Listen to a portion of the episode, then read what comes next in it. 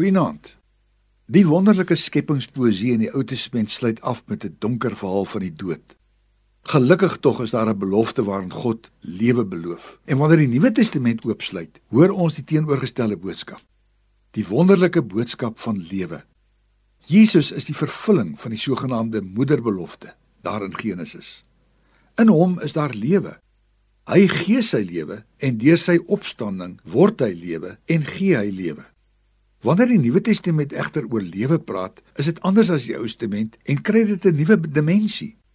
Die onderwerp van ons week, dit kry die dimensie van die ewige lewe.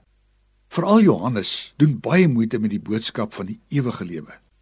Soms praat Johannes net van die lewe en op ander plekke verwys hy na die lewe as ewige lewe.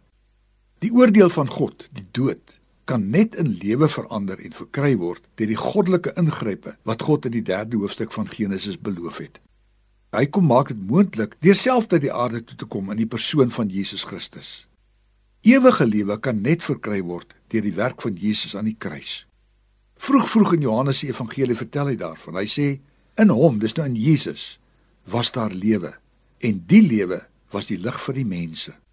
Sommige mense wil dit natuurlik nie aanvaar nie sê Johannes, maar haal hy aan hy sê maar aan almal wat hom aangeneem het, die wat in hom glo, het hy die reg gegee om kinders van God te word. Hulle besit dus alreeds die lewe. Net nog 'n bietjie verder, Johannes 3 vers 16 sê die evangelieskrywer: God het die wêreld so liefgehad dat hy sy enigste seun gegee het, sodat die wat in hom glo, nie verlore sal gaan nie, maar die ewige lewe sal hê. Dis wonderlike nuus. Die dood word dus weer lewe. Die nuus is nog groter. Ons hoef dus nie die lewe te verdien nie. Ons hoef ook nêrens daarvoor aansoek te doen nie. Jesus kom verdiende die lewe deur sy dood en sy opstanding uit die dood. Hy gee homself oor aan die dood sodat elkeen wat in hom glo kan lewe, vir ewig kan lewe. En as hy opstaan uit die dood, breek lewe vir ons ook aan. Ons volg hom selfs na sy hemelse blyplek toe, want in hom besit ons reeds die ewige lewe. Jy het dit as jy in hom glo.